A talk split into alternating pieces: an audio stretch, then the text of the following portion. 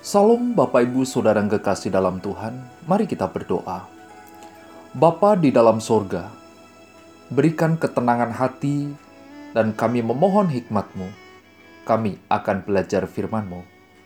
Di dalam nama Yesus. Amin. Tema renungan hari ini, salah menilai.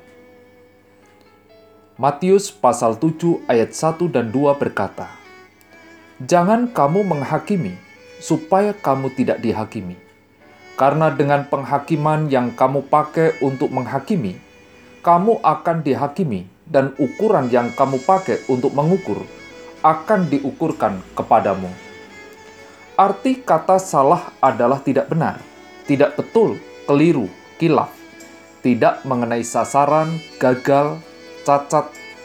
Sedangkan arti kata menilai adalah memberi angka memperkirakan atau menentukan nilai, menghargai. Jika dua kata ini kita gabungkan, salah menilai, berarti tidak benar, tidak betul, keliru, atau cacat memperkirakan atau menentukan. Yesus berkata, "Jangan kamu menghakimi, supaya kamu tidak dihakimi." Yesus mengecam kebiasaan mencela kesalahan orang lain, sementara mengabaikan kesalahan diri sendiri. Yesus berbicara dalam perikop ini. Yesus memakai kata-kata, istilah-istilah, dan pokok pikiran yang cukup sangat dikenal oleh orang-orang Yahudi sendiri. Para rabi Yahudi sudah beberapa kali memperingatkan umatnya untuk tidak gegabah dalam menghakimi orang lain.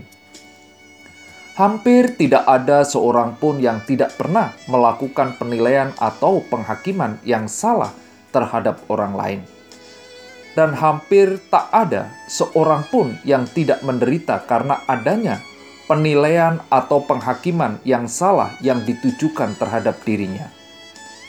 Karena dengan penghakiman yang kamu pakai untuk menghakimi, kamu akan dihakimi dan ukuran yang kamu pakai untuk mengukur akan diukurkan kepadamu.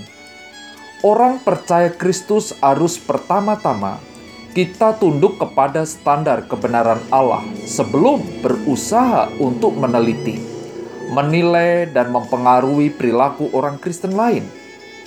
Menghakimi dengan cara tidak adil juga mencakup hal mengecam atau memberi penilaian yang salah tanpa ingin melihat orang itu kembali kepada Allah dan jalannya.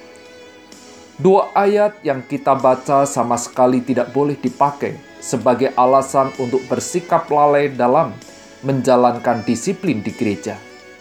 Yesus memberi perintah, "Jangan kamu menghakimi, supaya kamu tidak dihakimi." Paling sering diabaikan dan didengar.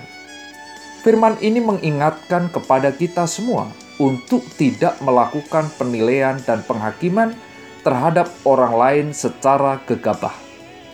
2 Korintus 5 ayat 16 berkata, Sebab itu kami tidak lagi menilai seorang juga pun menurut ukuran manusia. Dan jika kami pernah menilai Kristus menurut ukuran manusia, sekarang kami tidak lagi menilainya demikian. Bagaimana sikap saudara dalam hal menilai orang lain? Mari kita berdoa. Bapa di dalam sorga, berikan hati yang jujur, tulus dalam memberikan penilaian terhadap sesama, sesuai dengan kebenaran firman-Mu. Di dalam nama Yesus. Amin.